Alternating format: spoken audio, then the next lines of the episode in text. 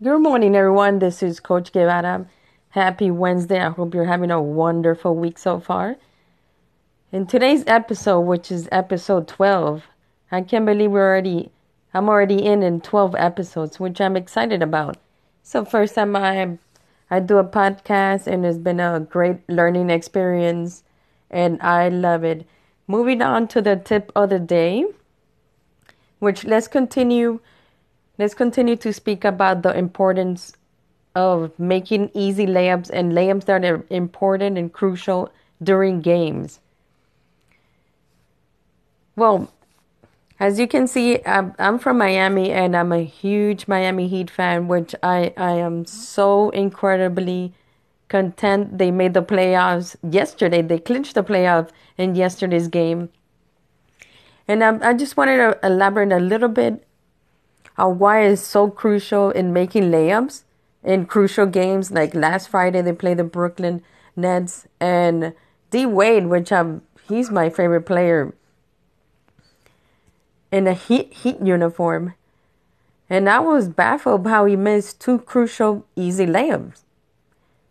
I don't think he was pressured or anybody was behind him, or maybe there was a defender behind him, but he hasn't he had an easy look on both of those layups and he missed both of them because he was he was trying to make them without using the backboard.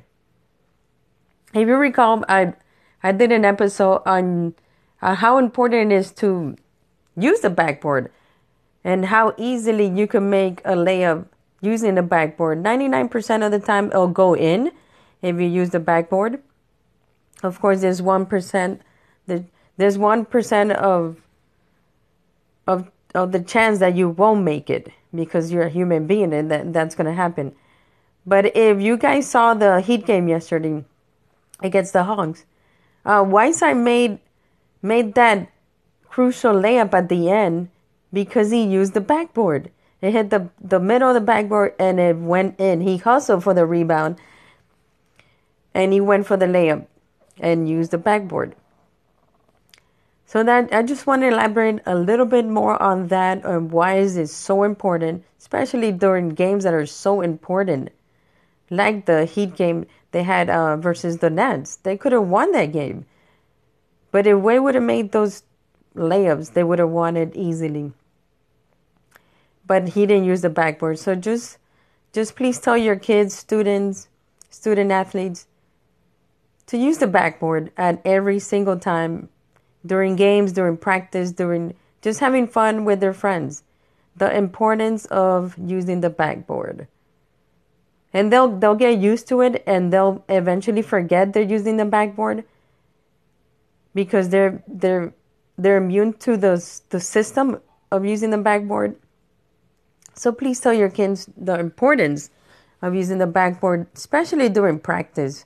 If you're having a one hour two hour practice, Make sure always to correct them. Use the backboard, use the backboard. Eventually they won't need it, but it's always, always important to use the backboard.